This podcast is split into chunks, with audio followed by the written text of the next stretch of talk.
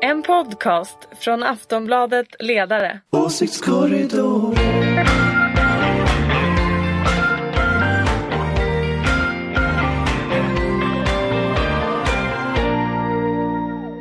Hej och välkomna till höstens första avsnitt av Åsiktskorridoren.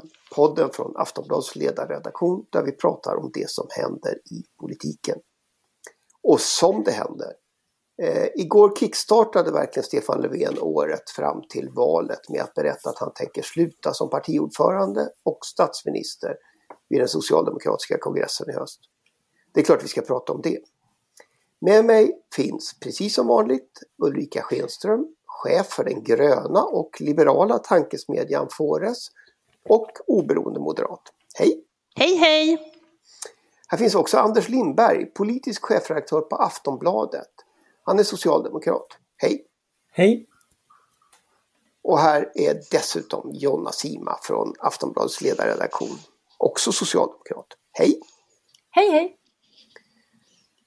Eh, själv heter jag Ingvar Persson och skriver till vardagsledare i Aftonbladet. Eh, idag ska jag dock försöka vara och leda det här programmet så rättvist som det bara är möjligt.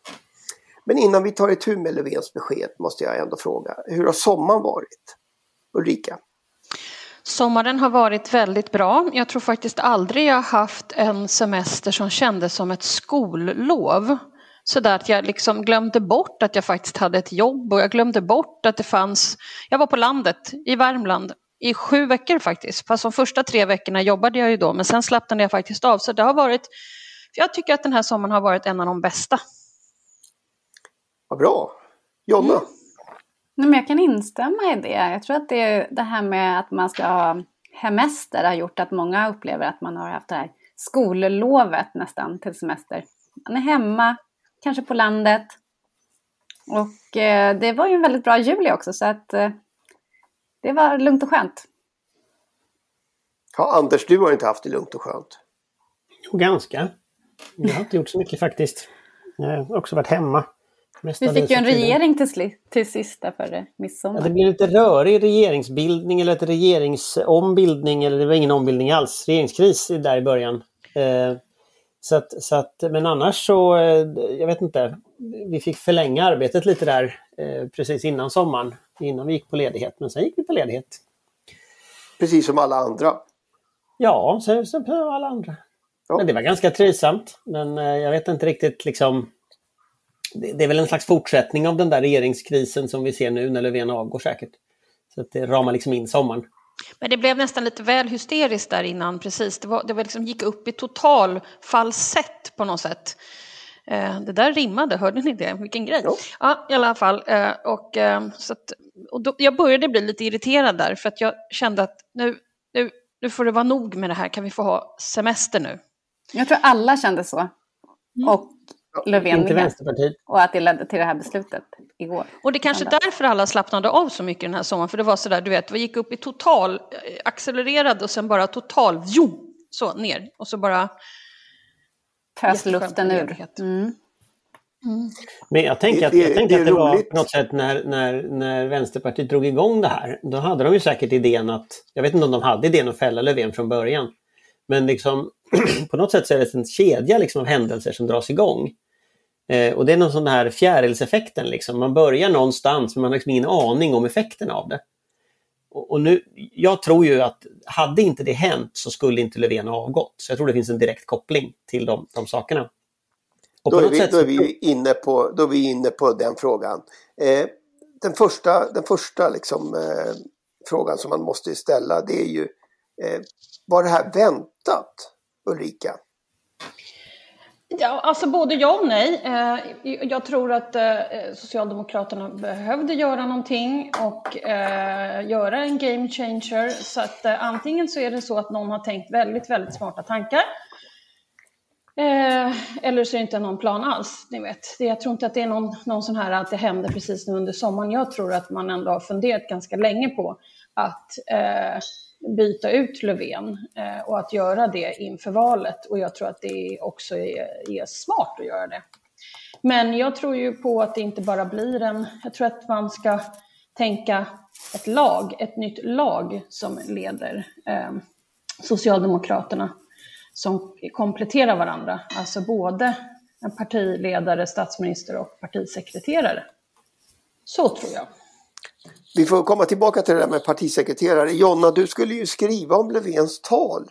Hade du ja. tänkt att det skulle bli ett, eh, ett liksom besked om partiledarbyte? Nej, alltså inte alls. Utan jag, trodde, jag tog på mig det här söndagsuppdraget för att jag trodde eh, att det skulle bli som han hade utlovat. Att eh, valåret skulle kickas igång.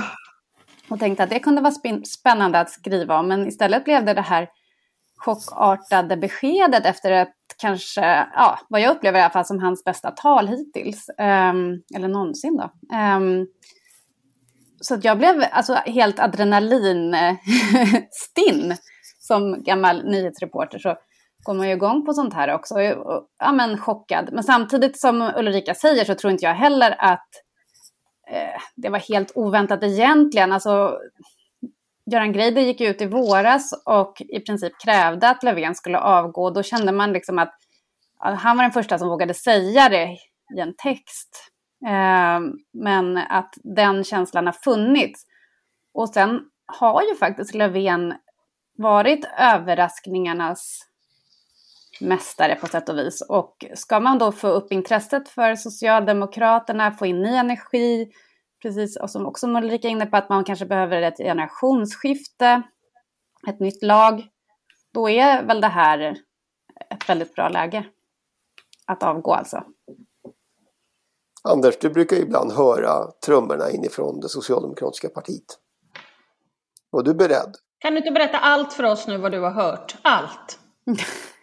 ja, det är kanske svårt men, men just den här trumman hade jag inte hört. Eh, och det, det beror nog på att det var nog en trumma i en ganska liten krets. Eh, som, ja, det tror jag också. Jag tror att det var som, en jätteliten krets. För att det enda sättet att göra sådana här saker på, det är att det verkligen är en extremt liten krets. Ja, och jag tror att det, det, det var ganska tydligt att han i sitt tal sa jag informerade idag verkställande utskottet och samma förmiddag hade det läckt i Expressen. Så att han hade nog goda skäl att ha det i en liten krets, eh, givet historien. Men, men sen, sen är det nog så, ja, jag tror Ulrika har rätt i att det finns en strategisk fördel här, absolut. Eh, det är bara att gå tillbaka till Göran Perssons eh, valrörelser, att liksom den här erfarenheten som är ett kroppsminne hos Socialdemokraterna, att det är svårt för samma partiledare att vinna tre val. Och, och det är klart att det, det kroppsminnet, eh, det, det, kommer tillbaka och det är väldigt många som jag hör liksom, som har sagt de här sakerna nu att, att eh, det måste ske en förändring. Men sen orkade man inte efter, efter pandemin. Och nu, så, så, på ett sätt så är det logiskt, på ett sätt så är det här en slags fortsättning av det samtalet som S hade innan pandemin. Och, och det är ju dels Löfven, sen handlar det ju om eh, Perssons gamla idé om att toppa laget inför valet, mm. som ju också, ska man påminna sig om, var ett snack för två år sedan. Eh, så det, det, kommer ju säkert också tillbaka. Alltså ny, ny, eh, och, och det är liksom partisekreterare som, som Ulrika säger, men också en slags total toppning av laget. En slags generationsskifte som, som då kan övervintra en borgerlig regeringsperiod. Eh, också ifall jag tror inte det bara behövs kanske ett generationsskifte för att jag tror att man ska blanda åldrar och så. Men, men en, ett nytt lag tror jag är viktigt. Sen tror jag också att, ehm, nu, nu pratas det ju mycket om Magdalena Andersson överallt och jag har absolut ingen aning överhuvudtaget. Men, men en kvinna är ju bra i det här läget samtidigt som Socialdemokraterna tappar till vänstern. Så tror jag att eh, eh, men sen ska man ju inte sticka under stol med att man tappar till Sverigedemokraterna också. Och ehm, ja, Hulta-Bulta eller Magdalena Andersson, jag vet inte, nu skojar jag lite. Men jag tror nog att eh, eh, Hultqvist kan eh, eh, vara en som drar en viss typ av väljare eh, medan mm. Magdalena Andersson en helt annan typ av väljare. Så jag, ja, jag skulle, jag, skulle, jag vara, skulle jag vara strateg åt Socialdemokraterna så skulle jag vilja ha en, en, en, en kombo och så skulle jag vilja ha en tredje person som också är folklig som som Karl-Petter Thorwaldsson eller något som partisekreterare. Fast vad menar du att Hultqvist skulle ha för roll? Han är ju försvarsminister. Det, det går ju inte att ändra liksom. Nej, nej, jag pratar nu om, om, jag, om, jag, om jag försöker bara sätta mig in i att jag var strateg i Socialdemokraterna, då skulle jag vilja ha den typen av personligheter. Magdalena Andersson, Karl-Petter Thorwaldsson och eh, eh, Hultqvist. Så skulle jag försöka få ihop det på något sätt. Men jag är ju inte det så att eh, jag, en bara, mäktig valaffisch. jag bara försöker. Jag skulle nog tycka att det var en ganska mäktig valaffisch. Mm. Givet vilka strömningar som finns på väljarna just nu. Men, men, sen, men sen undrar jag också, alltså jag, dels så tror jag det här med som du säger med Sverigedemokraterna, det är ju klart att Magdalena Andersson är ju inte svaret på liksom vem som den typen av väljare kanske röstar på som person bara. Men jag tror att mycket av hennes politik kan vara det. Eh, och det är många Men också som har en kvinna liksom... som första statsminister, alltså första statsminister som en kvinna.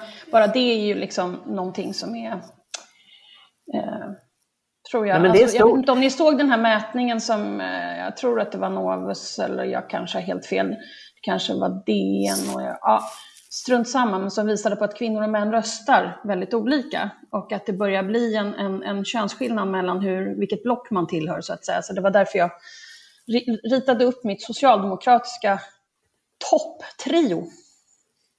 Men, men jag, tror att, jag tror att det finns en, en grej som är viktig att ta med sig här och det är att om man kollar på, det är många som jämför henne med Angela Merkel. Att hon är lite så här eh, liksom karg och, och uh, ganska... Ja, och jag liksom, älskar Angela ofattig, Merkel. Ofattig men... politiker, liksom, som, som många gånger. Men jag, när jag, jag, som jag känner henne så är hon ju mycket mer ideologisk än så. Alltså som jag känner henne så är hon ju en ganska brinnande vänsterideolog. Men det har liksom inte kommit fram i rollen som Nej, Hon är ju finansminister, finansminister. hon håller ju plånboken. Men det är ju en annan roll. Men jag tror vad, att det kan det, vara viktigt. Vad finns det för... Ja, vi, vi, brukar ju alltid försöka prata om eh, behovet av sakpolitik i den här podden, eller reformer som Ulrika uttrycker. Vad finns, det för, vad finns det för nyckelfrågor då för att demonstrera den här vänstervridningen? Det är ju, det är ju en sorts abstraktion. Vad är det för frågor som Magdalena Andersson, om det nu skulle bli hon, eh, måste, måste driva? Ja, hon har ju faktiskt ett manifest redan kan man säga. Eh, den här underlagsrapporten som presenterades i våras som hon ledde, fördelningspolitik för jämlikhet och rättvisa. Eh, som knappt fick någon uppmärksamhet alls för att den ansågs nästan för radikal.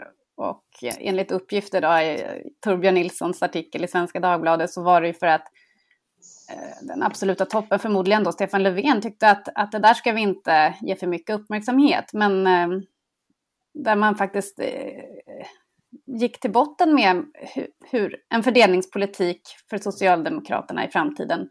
Där man eh, både undersöker eh, ja, men, hur man ska ta ut större beskattning på kapital men också fastighetsskatt. Det kom, tror jag i och för sig aldrig att Magdalena Andersson kommer driva. Men men ehm, det, det, är intressant att hon ändå var så drivande i den där, Eh, att ta fram den där rapporten för att den visar precis som Anders säger att hon är mer eh, ideologiskt vänster än vad som man kanske kan tro. Att hon är, har ju mycket den här nästan Anders Borg eh, teknokrat eh, bilden om sig. Att hon är liksom från, hon har en bakgrund på Handelshögskolan och på Harvard, alltså en väldigt elitistisk bakgrund får man väl ja, säga. Ja, men hon är ju finansminister så det är väl jättebra att hon har den typen av utstrålning när man är finansminister.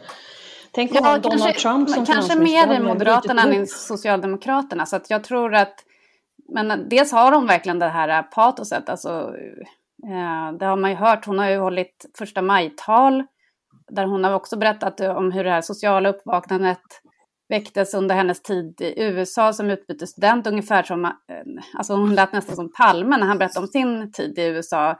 De upplevde eh, både alltså, det extrema klassamhället men också det här eh, rasismen och sådär. Alltså, så hon kan verkligen tala om det med ett genuint eh, engagemang.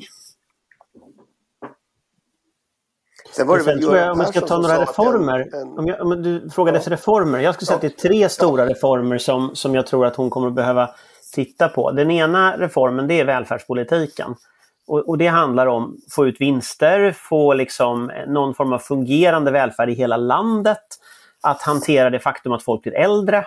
Och då krävs det en annan typ av finansiering. Och där finns ju idéer både i hennes rapport och i LOs jämlikhetsrapport som kom tidigare.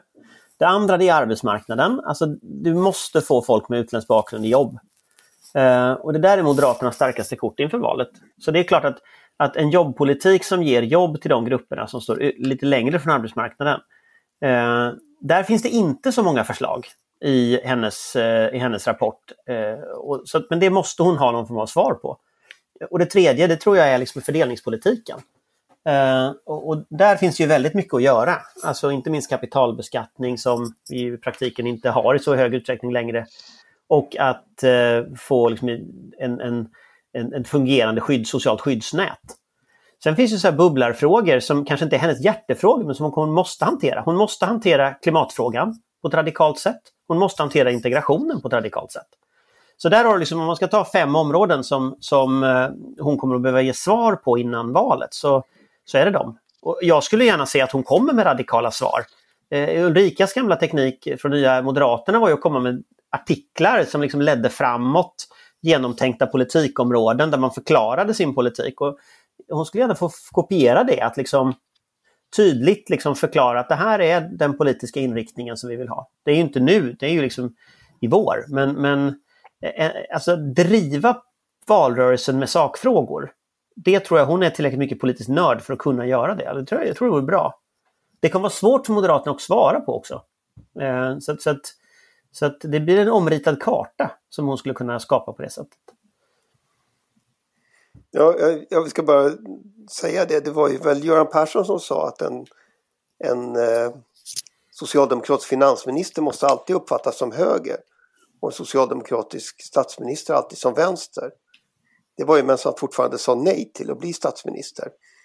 Eh, så att eh, den, där, den där transformationen har väl ansågs ju svår att göra innan, innan Göran Persson. Men, men, där kan man väl också säga att Göran Perssons Alltså han, en av hans stora liksom, eh, på något sätt insatser var ju budgetsaneringen som finansminister riktigt den typen av eh, bagage har inte Magdalena Andersson. Alltså, utan hon har ju tvärtom en, en erfarenhet av att i ett och ett halvt års tid blåsa på ekonomin utav bara den. Alltså det är den mest expansiva finanspolitik som vi har haft under lång tid. Tänk om man kan ta den typen av politisk energi och den typen av politiska verktyg och så går man in i klimatfrågan. Och så säger man att ja, pandemin var en kris, klimatfrågan är en kris och vi har en expansiv finanspolitik för att möta den eller liksom jämlikhetskrisen i samhället med, med ojämlikheten. Eh, hennes rapport handlar ju om ojämlikhet, det är det som är liksom det bärande elementet liksom i det här, att, att, minska ojämlikheten. Det finns något väldigt spännande i den erfarenheten hon har från pandemin, att liksom våga använda politikens verktyg för att liksom göra något åt samhällsproblem. Till sist bara, eh, det tog väl egentligen bara en nanosekund efter att Stefan Löfven hade lämnat sitt besked innan spekulationerna satte igång. Och du Jonna skrev ju att socialdemokratin måste ledas av en kvinna och att hon borde heta Magdalena Andersson eh, väldigt snabbt. Är det klart nu? Blir det Magdalena Andersson? I, inte enligt Expressens ledarsida nu. Nu går de tydligen eh, i, bemöter mig här med att nej, det är inte dags för en kvinnlig statsminister. Ja, får jag besked om här på sms. Men, men eh, alltså det är väl så mycket klart det kan bli. Dels är hon så, rätt så utpekad av Löfven. Hon har fått hålla första maj-tal på Norra Bantorget i Stockholm. Hon har fått hålla eh, talet i Almedalen i hans ställe. Eh, han beskrev henne som världens bästa finansminister i sitt sista tal här. Eh, och han eh, hade även med henne ju på bild eh, när de skulle prata om inför budgeten här i, i DNs artikel i helgen. Så att han pekar ju i, så mycket som man kan göra ut henne som sin efterträdare. Och eh, det finns ju ett klart, eh, en klar längtan inom partiet efter en kvinnlig partiledare. Och det är också så viktigt att Socialdemokraterna får chansen att vara den, det första partiet som, som eh, får en, kanske en möjlig kvinnlig statsminister eftersom man har det som sin, ja, men, jämställdheten och jämlikheten som sin liksom, hörns, en av hörnstenarna inom politiken och att man har varit drivande i alla progressiva eh, reformer på det området, alltså för eh, föräldraförsäkring och för ja, men kvotering i riks, eh, riksdagen och regering och så vidare. Um, så att det är klart att det, den vill man inte ge den liksom, trofén, eller vad man nu ska säga, till till exempel Moderaterna. Det var ju på håret där med Anna Kinberg Batra, att de kanske skulle lyckas med det. Och det hade ju varit en nesa för Socialdemokraterna. Så att nu borde de ta den chansen. Det är alltså klart. Ja, och så, läste, ja, jag läste också en gammal intervju med Magdalena Andersson om, om att ja, men hon valde att gå på Handelshögskolan, inte kanske för att det var den bästa skolan, utan för att den var den svåraste att komma in på. Och så sa hon att jag, jag vill alltid göra, ut, ja, ta in, anta utmaningar som jag tror är för svåra. Och en sån person borde ju bli statsminister i den här svåra parlamentariska situationen vi har här. Ja, Anders, det är roligt är det med klart? Nej, det är inte klart förrän hon har sagt ja och det har hon inte gjort. Så det är klart att det, det får vi vänta på.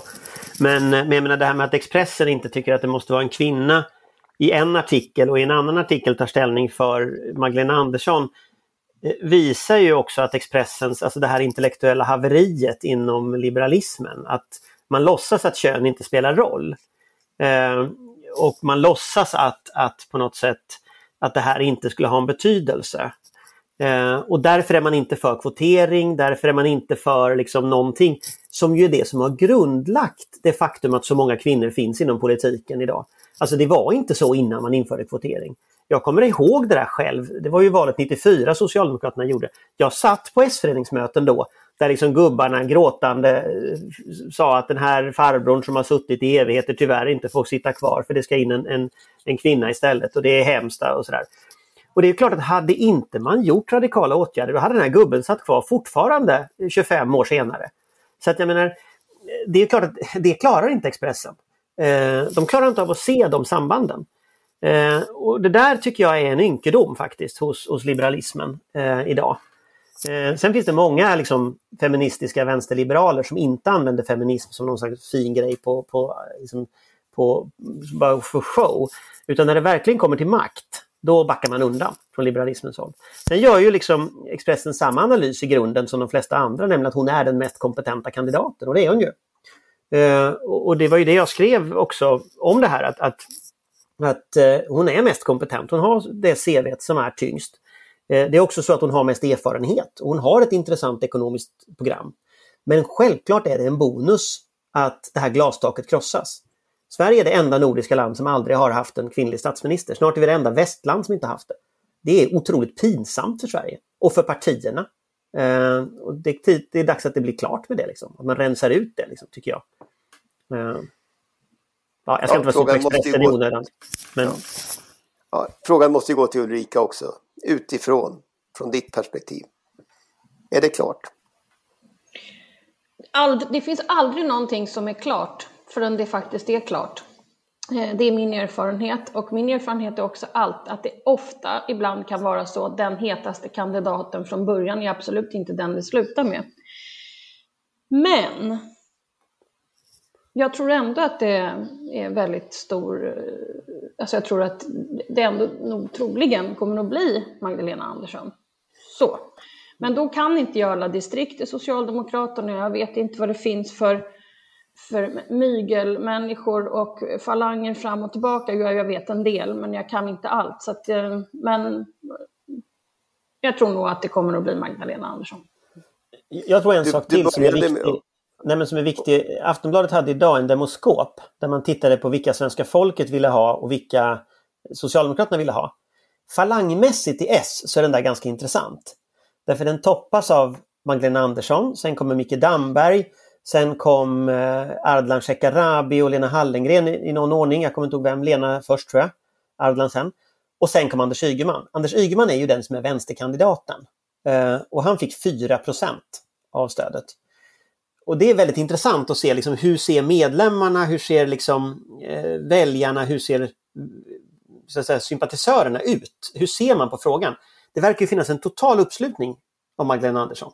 Om det inte blir hon, då kommer säkert Anders Ygeman att dyka upp igen och de andra. Så.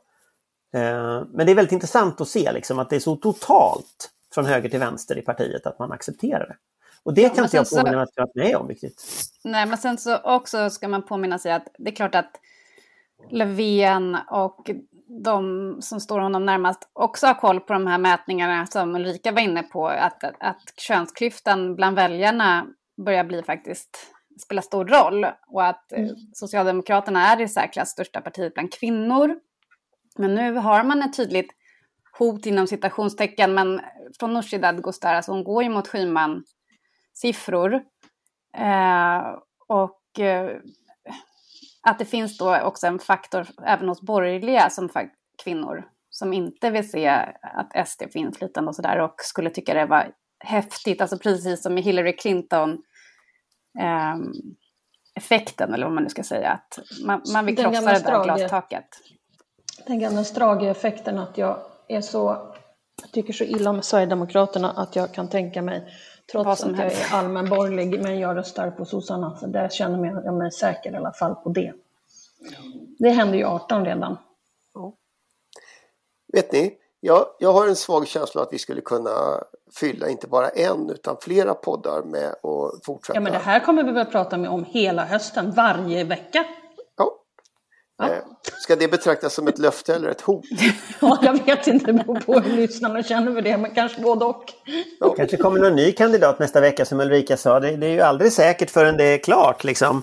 Magda kanske säger, Magdalena Andersson kanske säger nej på torsdag och sen så vad gör man sen liksom? Tjoho. Ylva Johansson seglar in. Som Hörrni, ja. vid sidan av att bli vald så kommer Stefan Löfvens efterträdare dessutom att behöva hantera en väldigt speciell budgetprocess här under hösten. Eh, nästa års budget ska ju, för att nästa års budget ska gå igenom så kommer det sannolikt att krävas både vänsterpartister och centerpartister som mangrant röstar för den här budgeten. Och samtidigt får inte regeringen eh, förhandla med Vänsterpartiet för Centerpartiet och Centerpartiet vill för egen del inte förhandla. Eh, det där är ju kanske inget drömläge. Eh, och för en vecka sedan försökte ju vänstern lösa problemet med att presentera sina krav i en artikel i Dagens Nyheter. Jag tänkte jag måste fråga Ulrika som har varit med och, och arbetat i från Och budgetförhandlat har jag gjort, yes. Ja. Mm. Går det att sköta det här via debattartiklar?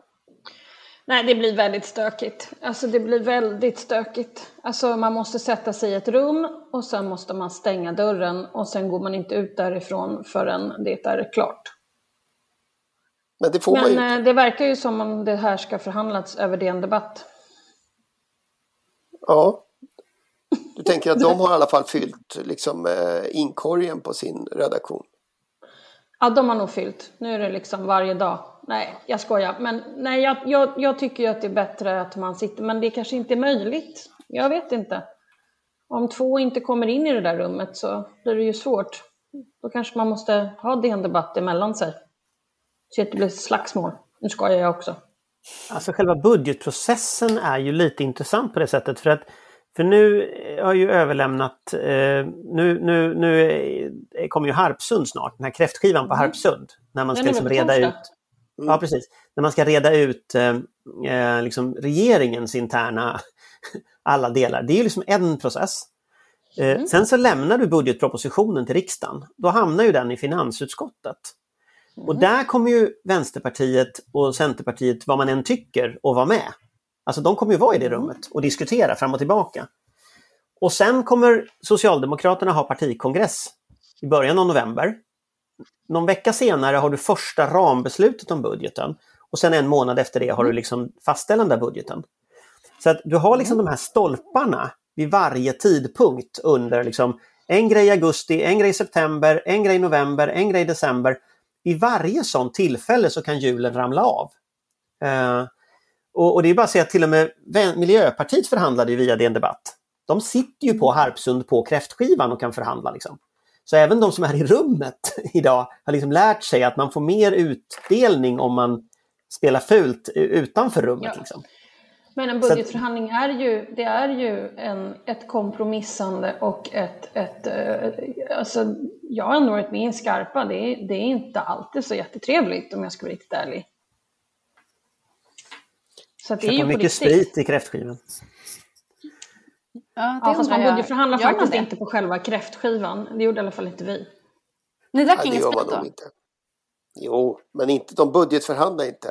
Man sitter ju inte och budgetförhandlar och, med papper och grejer och pärmar och saker och samtidigt inte kräfter. Men ja, ja, jag vet inte hur Socialdemokraterna och Miljöpartiet gör, men ja, det gjorde nog inte vi. Du, du, du, du, liksom du tänker att det skulle vara liksom dålig stil att vika en lustig hatt utav utav eh, förslagen. Någons förslag ja.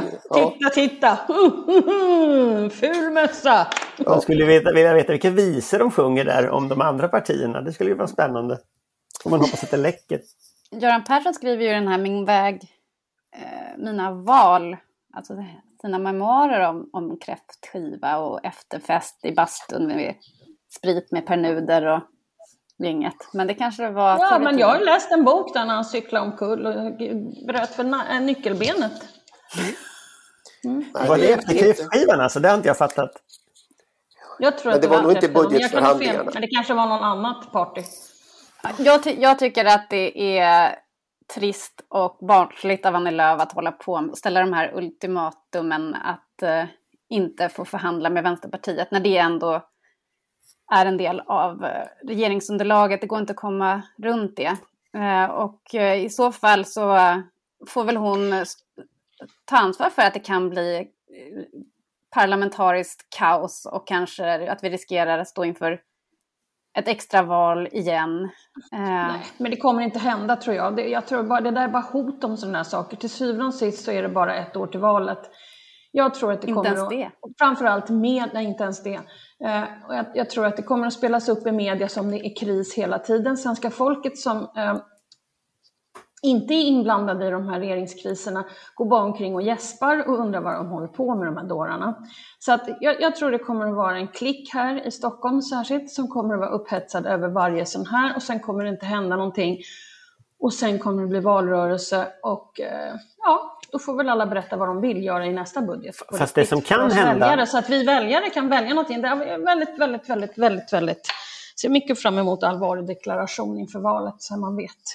Men, men, men, det som ligger i korten eh, nu, som är ju, det var ju att Löfvens löfte var ju att han hotade ju med att avgå om budgeten inte gick igenom. Eh, det kommer ju inte Magdalena Andersson riktigt kunna hota med på det sättet, Nej. lika trovärdigt. Så det är klart att, att, så att säga, hennes förhandlingsposition har ju på det sättet, den är ju lite annorlunda än, Löfvens. Eh, samtidigt så, så är det också så att om hon får gå i opposition efter att ha varit Sveriges första kvinnliga statsminister i en månad i december när budgeten faller och Moderaternas budget röstar igenom. Eh, då kommer vi att ha ett otroligt märkligt valår. Alltså, det kommer att vara mm. otroligt märkligt. Det kommer ju inte finnas någon annan statsminister som kan bli vald. Så risken då blir väl en expeditionsministär från december till september. Liksom. Eh, jag tänker att talmannen kommer inte kunna vilja utlysa något nyval heller. Så att han kommer inte att driva fram den processen. Och, och liksom, så att det kan bli otroligt konstigt alltihopa om, eh, om inte C och, och, och, V accepterar det. Och frågan är ju vem ger väljarna då skulden för den där konstigheten? Eh, så det kan ju vara världens liksom blame game i december. Annie Lööf. Frågan är bara hur... Ja, du kommer Annie Lööf skulden, men jag tänker vem väljarna ger skulden. Liksom. Det men, men väljarna ger skulden är någonting annat och jag kan tänka mig att väljarna ger hela det politiska systemet skulden i väldigt stor utsträckning. För att jag tror att de tycker att det här är trams. Big time trams. Ja, och rösta på SD istället. Eller inte alls. Eller, Eller inte alls. Det är dystra eh, perspektiv. Fast jag är inte så dyster. Jag tänker att det här kan bli ganska kul. Jag var, ganska säker på, men jag var ganska säker på att sossarna skulle förlora valet. Jag skrev en artikel i, i våras som var i princip är kört det här. Liksom. Uh, och, och nu, nu, tänker jag att det här kanske är det som liksom ändå, det här, det här kastar om hela spelplanen. Ny partiledare, eh, liksom, hon kan ju också riva upp det här gamla inte prata med V genom att bara bjuda in V. Kanske det första hon ska göra. Hon bjuder in eh, Nooshi Dadgostar på lunch. Och det är ju det bara river av de här plåstren. Det här är ju Löfvens sinistra plan med alltihopa. Ja, du, jag vet inte, jag vet inte jag... om det finns en plan riktigt, men jag, jag blir inte positiv. Liksom. Riv av alla gamla plåster från januariavtal till det här med pratförbudet med V och sådär. Så river man upp det. Så lägger man fram en ny radikal eh, politisk idé om vad man ska göra och så kör man järnet. Liksom. Eh, ett nytt gäng, ny partisekreterare, nytt allting. Det kan bli ganska kul. Mycket för oss att skriva om i alla fall. Ja, och prata om i den här podden. Det är så här, jag hade fler saker på listan. Eh, nu har vi eh, pratat om det här och vi skulle kunna fortsätta att prata, det är jag alldeles säker på. Men det här avsnittet utav eh, Åsiktskorridoren får nog lov att sluta här. Eh, det kommer ju nya och det kommer som sagt att fortsätta att hända saker. Vi kommer fortsätta att prata om det här eh, i många nya poddar. Jag vill tacka Ulrika, Anders och Jonna för det här programmet. Och dessutom vill jag tacka dig som lyssnar. Eh, det är ju för att du lyssnar som den här podden finns. Vi är tillbaka nästa vecka. Vi hörs då. Tack så mycket. Hej hej! Hej hej! Ha en bra vecka! En podcast från Aftonbladet Ledare. Åsiktskorridoren.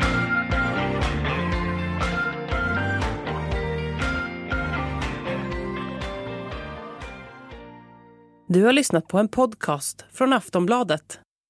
Ansvarig utgivare är Lena K Samuelsson.